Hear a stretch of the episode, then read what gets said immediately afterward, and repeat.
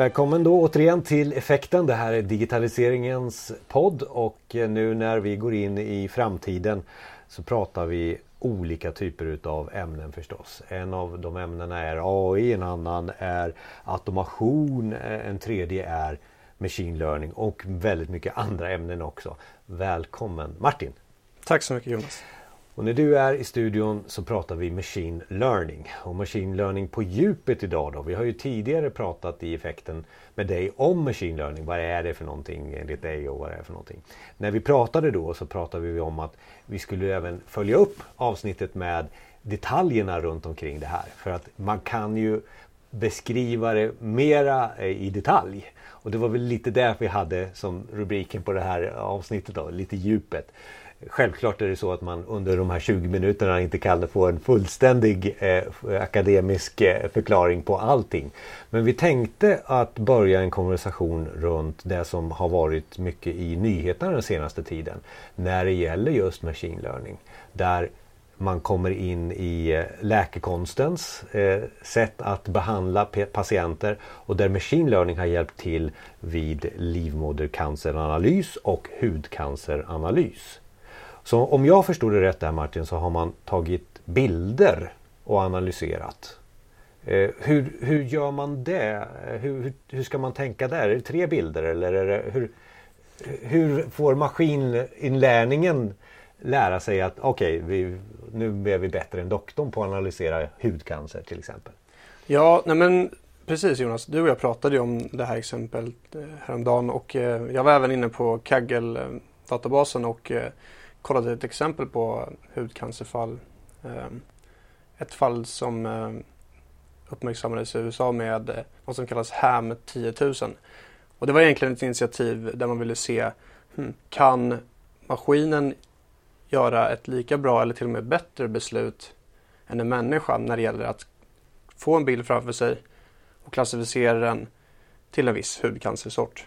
Så Kaggle är en databas antar jag på nätet där det finns öppna Ja, det, är, det är en öppen databas för machine learning-experiment men det är även tävlingar där som det utses prispengar till om folk kan lösa problemet. Så det är allt ifrån du vet sportdata från 1900-talet som kan vara för, för skojs skull men även lite mer hårda, viktiga fall som ja, hudcancer i det här exemplet. Och där är det därför att hade de bara bjudit på ett antal bilder på, eh, på hudcancer eh, bilder på hudcancer helt ja, enkelt. precis. Så det var ju egentligen då över 10 000 bilder som då en patolog hade klassat då som de här olika cancersorterna och så datasättet var egentligen något över 10 000 bilder där varje bild följde med en klass. Så att vi visste att om vi kollar på den första så såg vi att den tillhör, eh, tillhörde en viss en klass till exempel. Och det var ju viktigt att man fick med den datan också så att man har både själva bilden men även då facit. För det är ju så vi tränar våra machine learning-modeller. Det är genom att ha eh, en input och att vi vet vad outputet är redan innan så att den kan lära sig mappningen mellan pixeldatan i bilden och det tillhörande hudcancerfallet i det här. Vad var outputen? Så input förstår vi, det, det är dåligt och outputen var bättre eller vad då? Är det, Nej, in, in, ja, förlåt. In, mm. inputen är ju själva bilden då. Okay. Och output är egentligen vad som kommer komma ut sen från vår klassificering. Ja, okay, och, eh, så ah. det blir ju outputen, i det här fallet var det egentligen klass, klassen som det tillhörde. Det är begrepp inom machine learning som ni redan nu märker att vi, vi pratar om och, och det, det är väl intressant att förstå att det är väldigt mycket data det handlar om hur man klassificerar och hur man behandlar data. Så data är ju centralt i machine learning. Utan data, det är inte så att det är automatik bara så här, lös hudcancerfall och sen så är det, utan man måste ha data till det.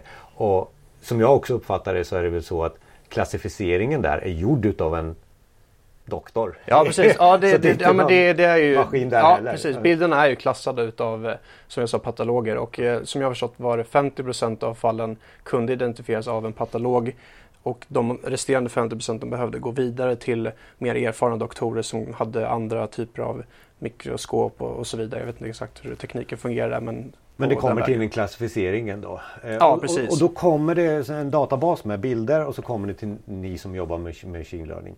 Yes. Vad gör ni med de här bilderna som blir så då fantastiskt resultat?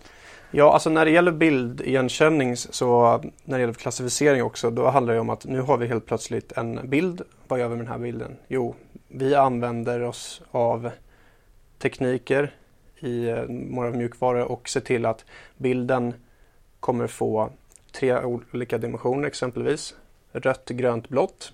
Nyanseringen mellan vad vi kan se på ja, allt framför oss egentligen, olika färger.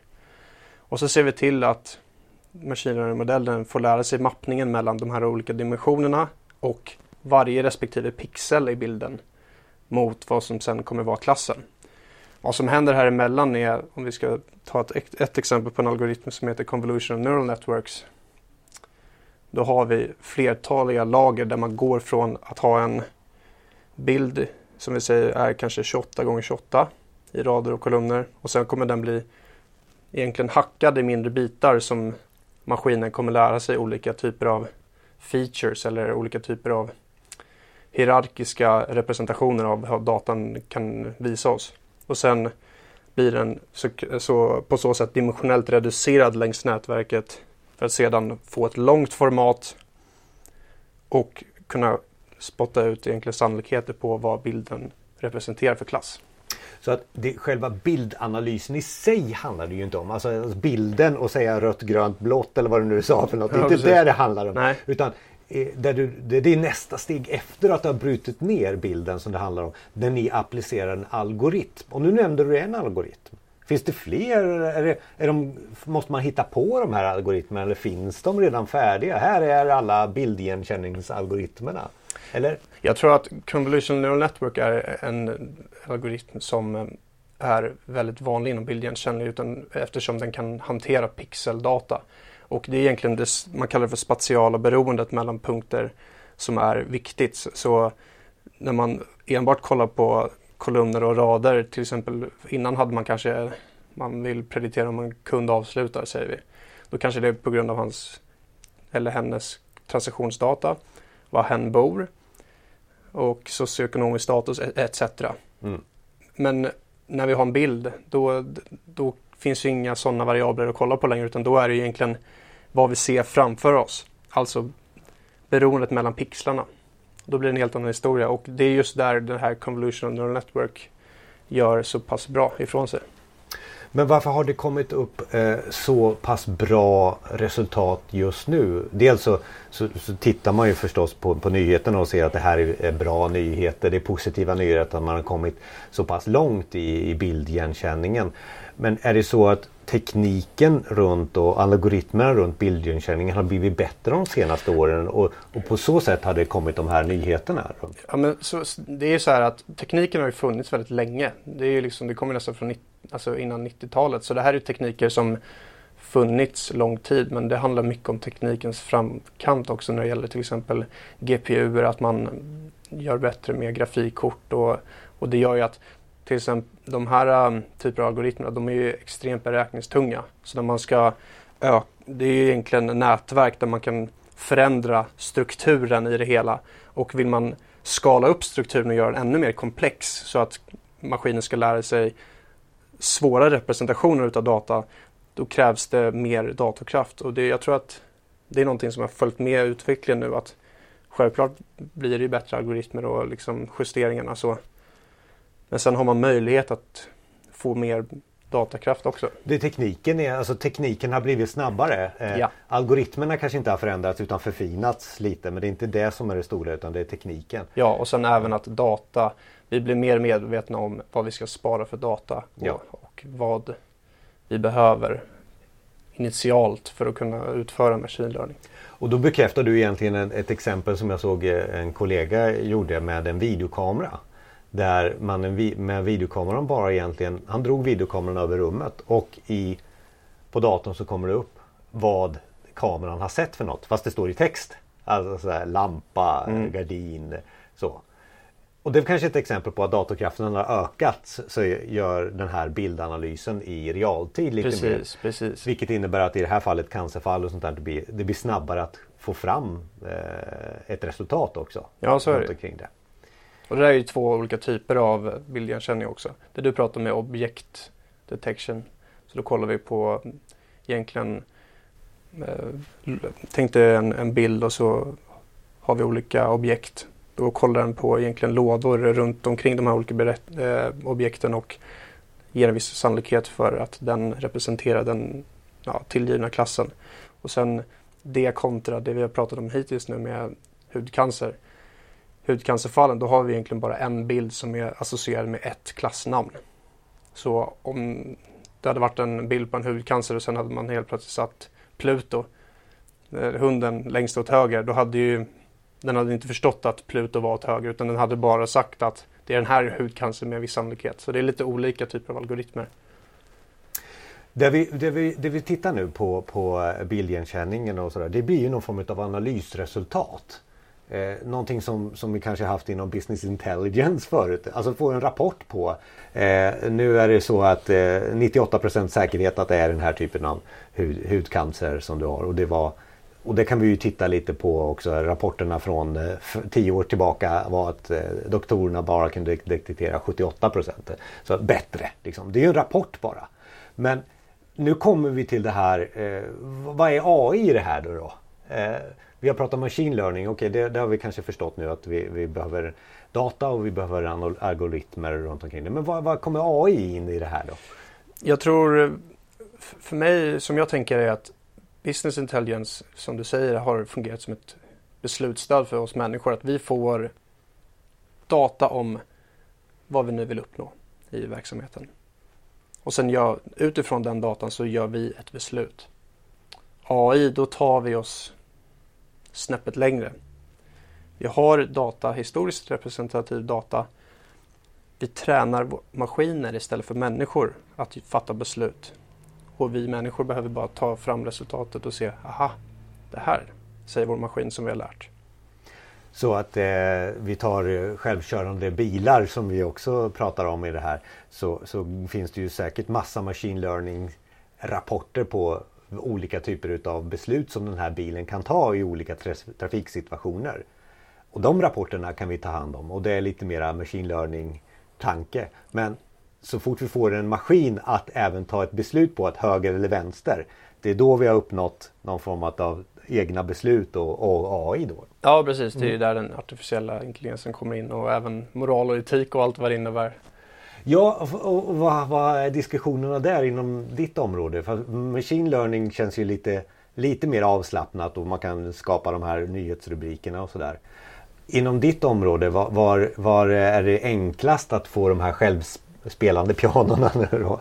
Eh, är det, är det Pratar man om eh, självkörande bilar och pra, vad pratar man om för någonting som ta, kan ta egna beslut?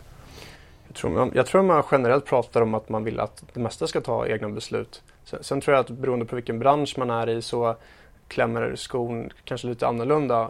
Framförallt om vi pratar om hudcancer så vill man ju uppnå en väldigt hög ackuratess för att man ska kunna lita på det eftersom det är någonting som är väldigt känsligt och viktigt. Eh, handlar det snarare om ett ett helt annat exempel som kanske inte... Om, om vi får ett fel i prediktionen så kommer inte en, det kommer inte vara någon jättestor konsekvens utav det. Nej, och det kanske är dem man ska börja med. Ja, och inte ja, men, de här självkörande ja, men, bilarna och är... operationer av hudcancer automatiskt. Va? Precis, så, så det, är, det, är lite, det är lite där man måste ha lite känsla också. För, för just det här med hudcancer och självkörande bilar och allt vad det innebär.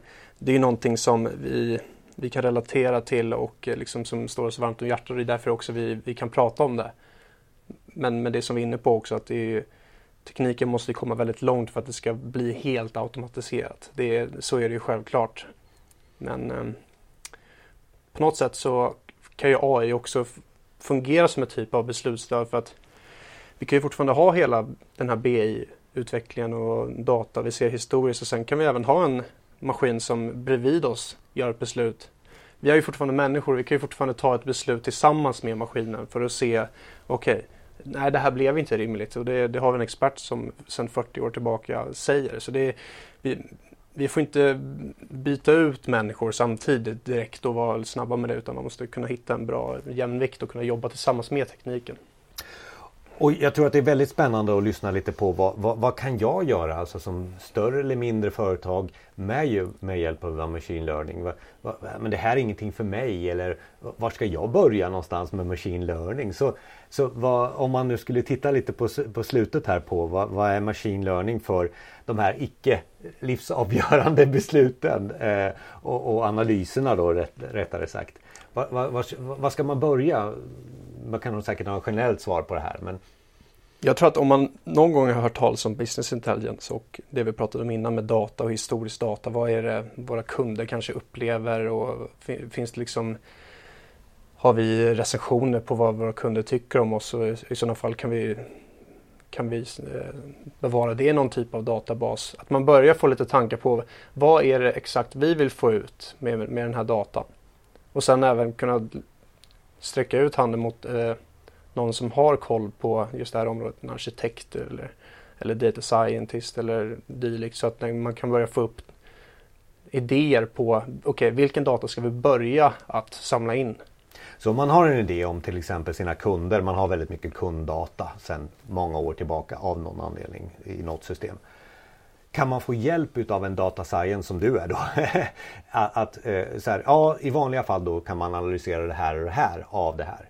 Så att det blir Eh, att man håller varandra i handen lite. Att okej, okay, vi har den här datan, vi vill få ut det här. Eh, vi vill göra någonting av det. Men samtidigt att det kommer några algoritmer som är vanliga runt omkring eh, kunddata från en sån person som du. Är, är, det, är jag ute på rätt spår då? Jag, jag För att ni tillsammans ska kunna skapa värdet? Med ja, det. ja, så är det. Det, det. det, ska ju vara, det ska ju vara ihop man, man skapar värde, verkligen.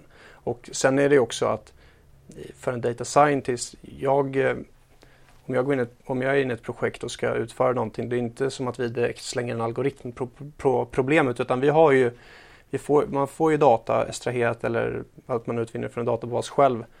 Sen får man ju helt enkelt börja med att kolla på visuell analys, se hur ser data ut? Är det, är det linjärt? Är det icke-linjärt?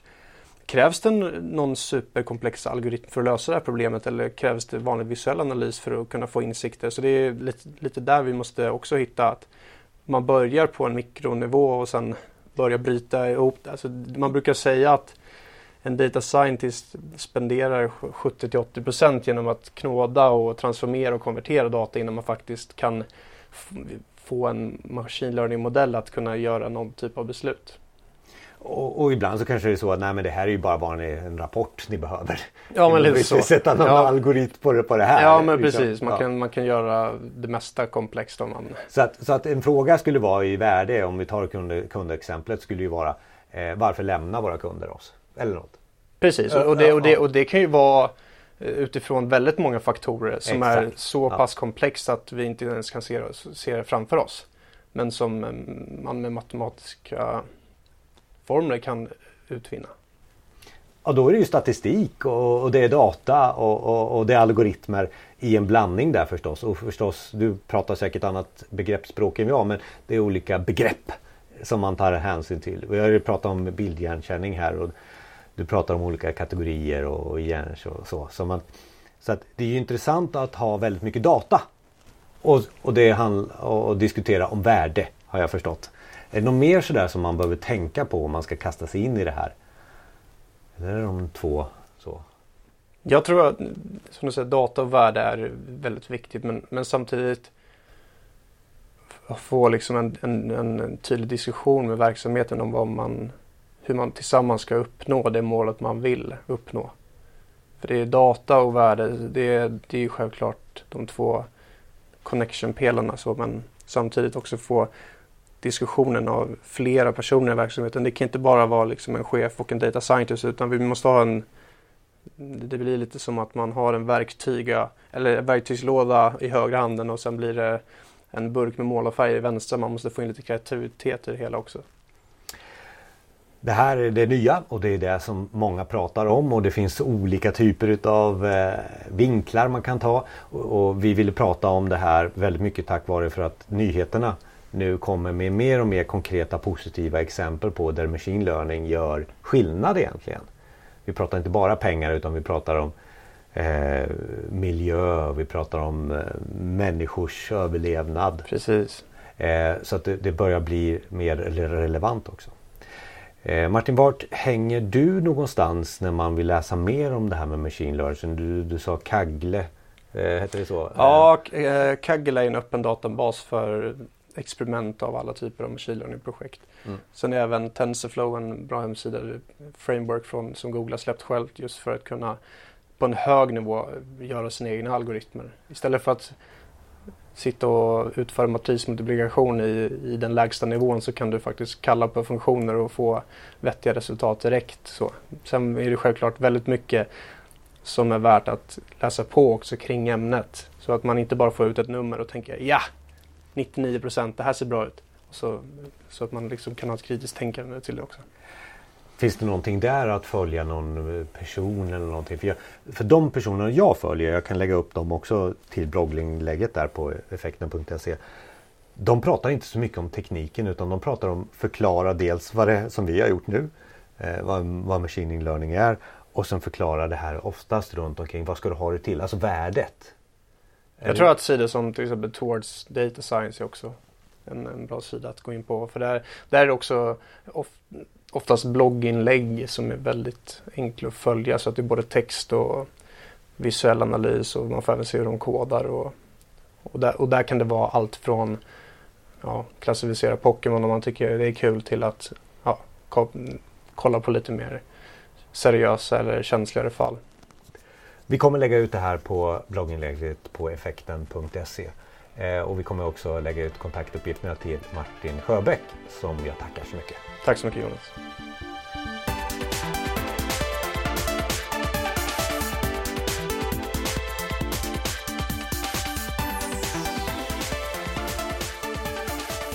Tack för att du lyssnade.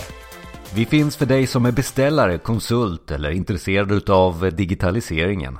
Dela med dig av frågor och kunskap till oss.